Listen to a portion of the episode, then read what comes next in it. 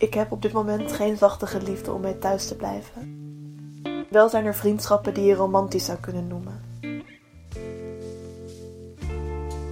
Je luistert naar een nieuwe aflevering van Re Rosa Luxemburg.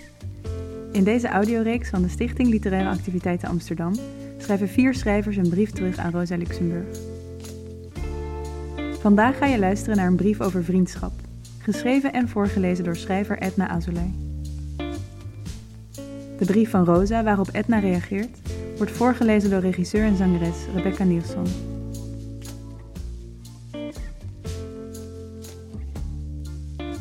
Aan Sophie Liebknecht, Breslau, midden december 1917.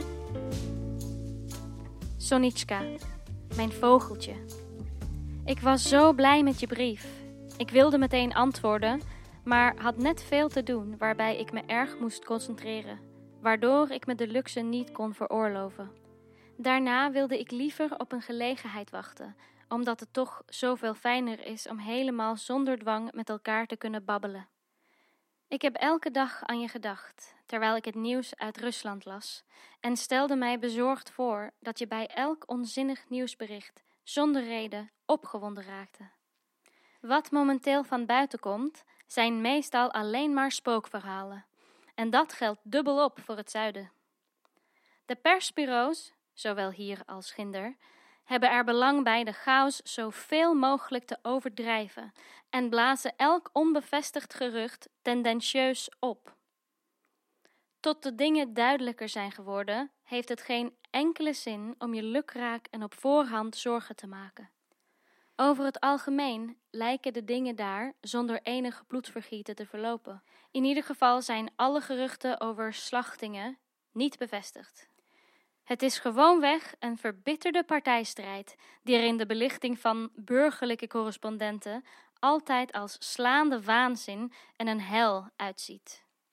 Wat de jodenpogroms betreft, alle geruchten daaromtrent zijn aperte leugens. In Rusland is de tijd van de pogroms voorgoed voorbij. Daarvoor is de macht van de arbeiders en het socialisme er veel te groot. De revolutie heeft de lucht daarginds zozeer gezuiverd van miasma's en de verstikkende lucht van de reactie, dat Kishinev voor altijd passé is. Eerder kan ik mij nog jodenpogroms voorstellen in Duitsland. Daartoe heerst in ieder geval de geschikte atmosfeer. Een van laagheid, lafheid, reactie en stompzinnigheid. In dat opzicht kun je wat Zuid-Rusland betreft volledig gerust zijn.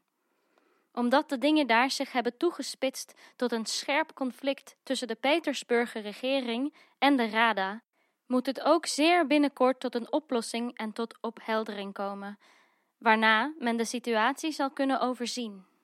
Vanuit alle standpunten heeft het absoluut geen zin en dient het geen enkel nut om je wegens het onbekende door angst of onrust op te laten vreten.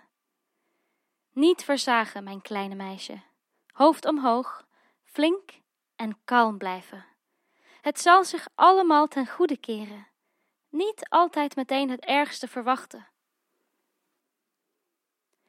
Ik heb vaste hoop je hier spoedig te zien, in januari. Nu blijkt dat Mathilde Wurm in januari wil komen. Ik zou het moeilijk vinden om het zonder je bezoek in januari te moeten stellen, maar ik kan natuurlijk niets regelen. Als je zegt dat je alleen in januari kunt, dan blijft het misschien zo staan. Kan Mathilde Wurm misschien in februari? Ik zou in ieder geval graag spoedig vernemen wanneer ik je zie. Het is nu een jaar dat Kaal in Lukau zit. Ik heb daar deze maand dikwijls aan gedacht. En precies een jaar geleden was je bij mij in Wronken heb je mij die mooie kerstboom gegeven. Dit jaar heb ik er hier een laten bezorgen, maar men bracht me een heel armzalige, met ontbrekende takken. Geen vergelijking met die van het vorig jaar. Ik weet niet hoe ik daarop de acht lichtjes moet aanbrengen die ik gekocht heb. Het is mijn derde kerstmis in de baaiers. Maar vat dat alsjeblieft niet tragisch op. Ik ben net zo vrolijk en rustig als altijd.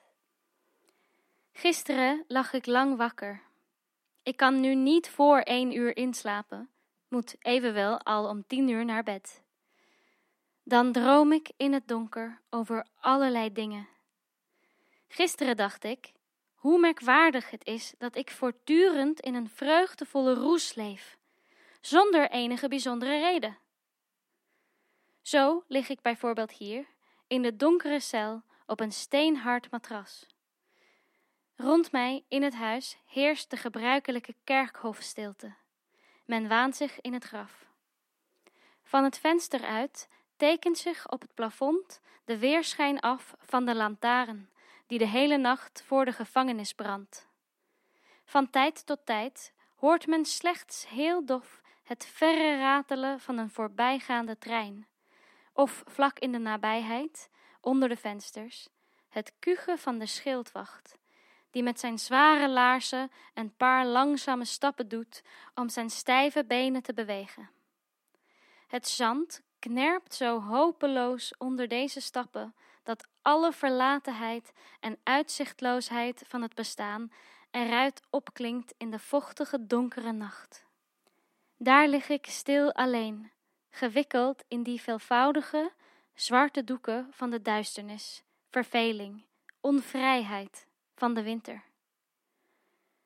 En bij dat alles klopt mijn hart met een onbegrijpelijke, onbekende innerlijke vreugde, alsof ik in stralende zonneschijn over een bloeiende weide liep. En ik glimlach in het donker het leven toe, alsof ik een of ander betoverend geheim kende, dat al het boze en treurige logen straft en in louter helderheid en geluk verandert. En daarbij zoek ik zelf naar een reden voor deze vreugde, vind niets en moet weer om mezelf glimlachen. Ik geloof dat het geheim niets anders is dan het leven zelf. De diepe, nachtelijke duisternis is zo mooi en zacht als fluweel, als men maar goed kijkt. En in het knerpen van de vochtige zand onder de langzame, zware stappen van de schildwacht zingt ook een klein schoon lied van het leven, wanneer men maar goed weet te luisteren. In zulke ogenblikken denk ik aan jou, en zou je zo graag deze toversleutel overhandigen, zodat je altijd en in alle omstandigheden het schone en vreugdevolle van het leven ondergaat, zodat je ook in een roes leeft en als het ware over een bonte weide gaat. Ik denk er echter niet aan je met asketendom, met ingebelde vreugde af te schepen. Ik gun je alle werkelijke vreugde der zinnen ik wil je alleen maar nog daarenboven mijn onuitputtelijke innerlijke blijdschap schenken, zodat ik over jou de geruststellende gedachte kan koesteren dat je in een met sterren bestikte mantel door het leven gaat, die je tegen al het kleine, triviale en beklemmende beschermt. Je hebt in het park van Steglitz een mooie bos zwarte en violetroze bessen geplukt. Voor de zwaartebessen komen in aanmerking ofwel de vlier, zijn bessen hangen in zware dikke trossen tussen grote gevederde bladwaaiers, je kent ze zeker. Of, wat waarschijnlijker is, de liguster. Slanke, sierlijke kaarsrechte bestrossen en smalle, langwerpige groene blaadjes. De violetroze, onder kleine blaadjes verstopte bessen kunnen afkomstig zijn van de dwergmispel. Ze zijn weliswaar eigenlijk rood, maar laat in het jaar, zoals nu, al een beetje overrijp en beurs, is hun kleur vaak violetroodachtig. De blaadjes zien eruit als die van de meert, klein, spits aan het eind, donkergroen en van boven leerachtig, ruw aan de onderkant. Sonjusha Ken je verhängenisvolle Gabel van Van Platen? Zou je het me kunnen sturen of brengen? Kaal heeft eens verteld dat hij het thuis had gelezen. De gedichten van George zijn mooi. Nu weet ik waar het vers und unterm Rauschen rötlichen Getreides thuis hoort, dat je meestal opzei wanneer we in de velden gingen wandelen.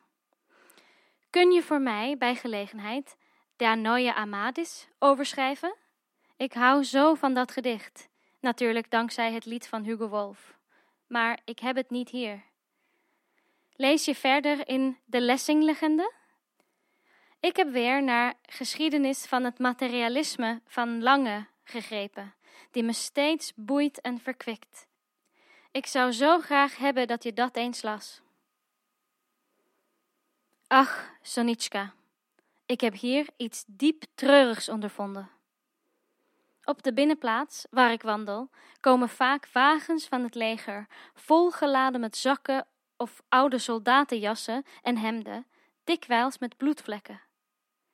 Die worden hier afgeladen, over de cellen verdeeld, versteld, dan weer opgeladen en aan het leger afgeleverd. Onlangs kwam zo'n wagen niet met paarden bespannen, maar met buffels.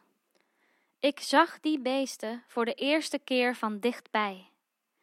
Ze zijn krachtiger en breder gebouwd dan onze runderen, met platte koppen en plat omgebogen horens, de schedels dus ongeveer als onze schapen, helemaal zwart, met grote zachte ogen.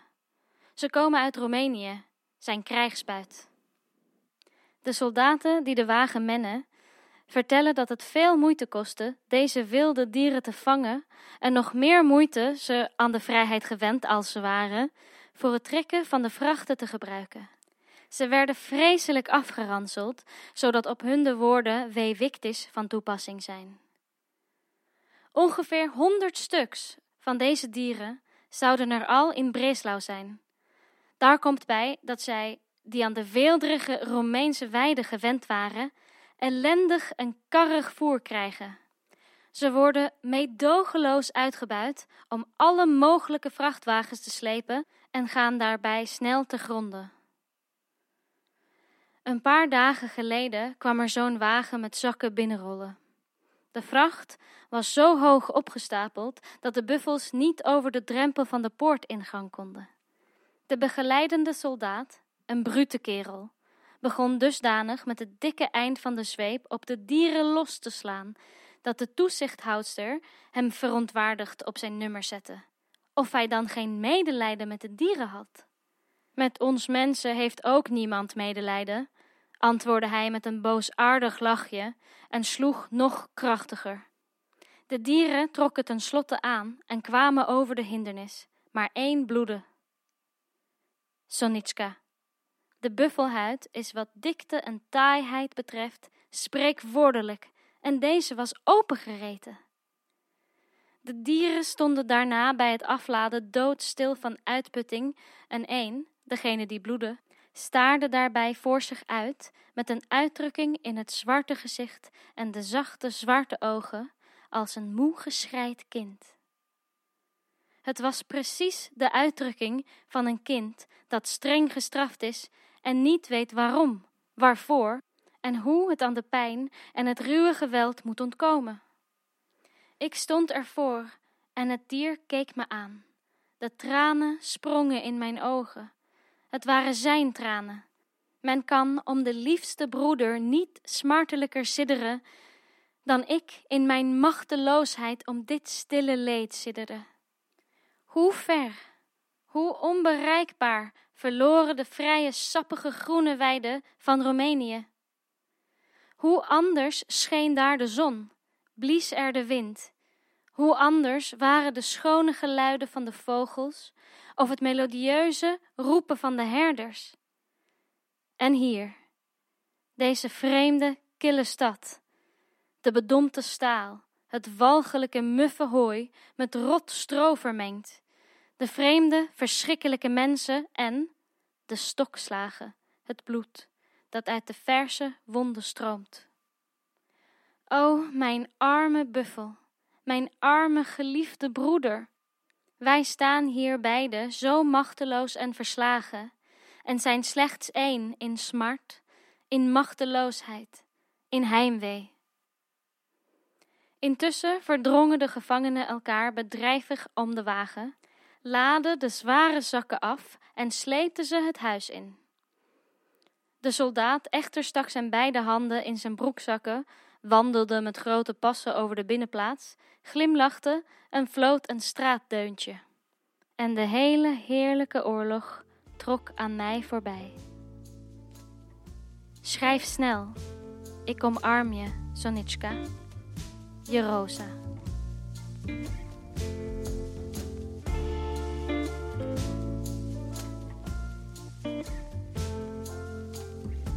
Rotterdam, 13 mei 2020. Rosa. Vannacht voor het slapen gaan probeerde ik net als jij in het donker het leven toe te glimlachen. Maar dit soort dingen werken natuurlijk helemaal niet als je het te hard probeert. Wel droomde ik dat ik op date was met iemand die ik niet kende. We renden door een onbekende straat in een onbekend land. Ik voelde me dronken terwijl ik nuchter was. Dronken van vriendschap, van mogelijkheid, dronken van verlangen. De onbekende vroeg of ze me mocht zoenen en dat wilde ik. Ik sprong in haar armen, midden op straat, kuste haar en voelde hoe zacht ze was. Ik mis het ontmoeten van onbekenden, het aanraken van handen en gezichten. Waar droomde jij over? Ik heb op dit moment geen zachte liefde om mij thuis te blijven. Wel zijn er vriendschappen die je romantisch zou kunnen noemen. Sinds kort woon ik samen met een van mijn beste vrienden. We hebben te weinig spullen om alle kamers fatsoenlijk in te richten en de eerste paar weken slapen we elke nacht naast elkaar op hetzelfde matras in de woonkamer. Vandaag, tijdens mijn ochtendwandeling, luister ik naar Kate Tempest. Ze zegt: Hold your own. Breathe deep on a freezing beach. Taste the salt of friendship. Hold your own and let it be catching. Buiten zwelt alles op, het bloeit door, het groeit door. Net voordat we hier op anderhalve meter afstand moeten blijven van iedereen waar we geen huishouden mee vormen, sms't een vriend me dat hij een buddy nodig heeft. Hij wil me ook zijn favoriete boom laten zien. Ik weet niet precies wat voor boom het is, jij zou het vast wel weten, maar het is er eentje waarbij takken om de bast heen een soort ladder hebben gevormd. Hij klimt erin, ik klim er achteraan. In de boom praten we over liefde, over het slijmerige stadium tussen rups en vlinder, over moraliteit en betekenis en laten insecten over onze handen lopen. Ik geloof dat dit zo'n moment is waarop ik snap dat het geheim het leven zelf is. Ik schaam me bijna om te zeggen dat dit de eerste boom is waar ik ooit ben ingeklommen. Als kind was ik bang voor veel dingen. Ik ben eigenlijk nog steeds iemand die zich door het onbekende kan laten opvreten door onrust. Mijn ouders zeiden vaak tegen me dat ik bergen maakte voordat ze er waren. Ik vertelde dat ooit aan een geliefde en die gebruikte het vervolgens om me mijn mond te laten houden. Ik wil niet dat mijn vrienden hun mond houden. Ik wil dat ze alles kunnen zijn. Rustig, vrolijk, uitgelaten, opgewonden, teruggetrokken, ongemakkelijk, luidruchtig, speels, wanhopig en bang en eenzaam en hulpeloos en hopeloos. Dat er een ruimte is waar je niet op je hoede hoeft te zijn. Waar ik ook zin in heb is ver fietsen en altijd stoppen om Fute een paringsstand te zien doen en dronken waterijs in bed eten en Fiona Apple luisteren op de grond. Ik wil dansen in de woonkamer op muziek die ik als puber leuk vond. Ik wil mijn vrienden teksten sturen die me aan hen doen denken, foto's van aalscholvers laten zien die met gespreide vleugels op kleine draken lijken. Ik wil heel veel verschillende vingers kussen. Ik wil niet nadenken over hoe we betere lichamen kunnen krijgen en productief kunnen blijven, maar samen boos zijn en geen genoegen nemen met het hier en nu, en tegelijkertijd volledig aanwezig zijn in de wereld en in onze lichamen. Ik denk aan de brief van Maarten en vraag me af: hoe kunnen we solidair en ongehoorzaam zijn? Rosa, als ik je brieven lees, voel ik boven alles de liefde voor je vrienden hoe je hen oprechte vreugde gunt en wil beschermen tegen het futiele en het beklemmende. Je ziet wie ze zijn en ook wie ze kunnen zijn, en helpt hen dat te zien als ze het zelf niet meer weten. Je ziet wanneer ze vastdragen te raken in hun patronen en spreekt ze er ook op aan. Je bent niet bang om kritiek te geven, want ook je kritiek komt vanuit liefde. Je bent niet bang om de ander nodig te hebben. Om te schrijven dat je meer brieven wilt, meer brieven nodig hebt, dat dat hetgene is wat je op de been houdt. Dat raakt me.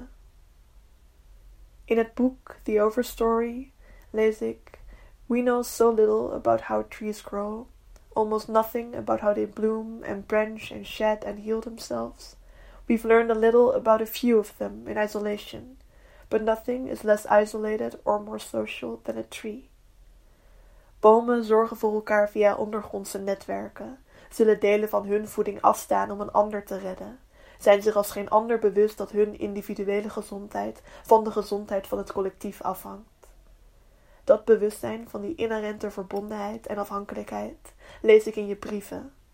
Als je schrijft dat de tranen van de opengereten buffel de jouwe zijn.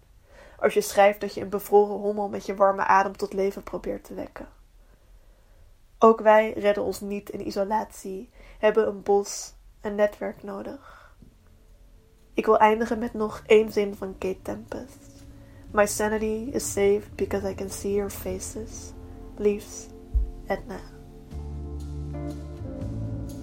Edna Azulay studeerde Writing for Performance in Utrecht. Ze schrijft vooral toneel en poëzie en draagt voor. Zo maakte ze met negen anderen Don't Kill Your Darlings, een interdisciplinaire voorstelling gebaseerd op het stuk Leons en Lena als kritiek op romantiek en neoliberalisme. Voor Like Mind schreef ze een toneeltekst over de Wallen, waarin thema's als kapitalisme en queer verlangen centraal staan. Je luisterde naar een aflevering van Re Rosa Luxemburg. Re Rosa Luxemburg is een audioreeks van de Stichting Literaire Activiteiten Amsterdam. Deze podcast is gemaakt door Maarten Westerveen en mij, Sanne Pieters. Met dank aan Eva van Drie van Uitgeverij van Oorschot. De muziek van deze reeks is gemaakt door Jasper Molle. Te vinden op Spotify onder Jasper met een Y. De brieven uit deze audioreeks komen uit Ik voel me in de hele wereld thuis. Verschenen bij Uitgeverij van Oorschot en samengesteld en vertaald door M. Verdaasdonk, Ingrid Wildschut, Jan Sietsma en Uitgeverij van Oorschot.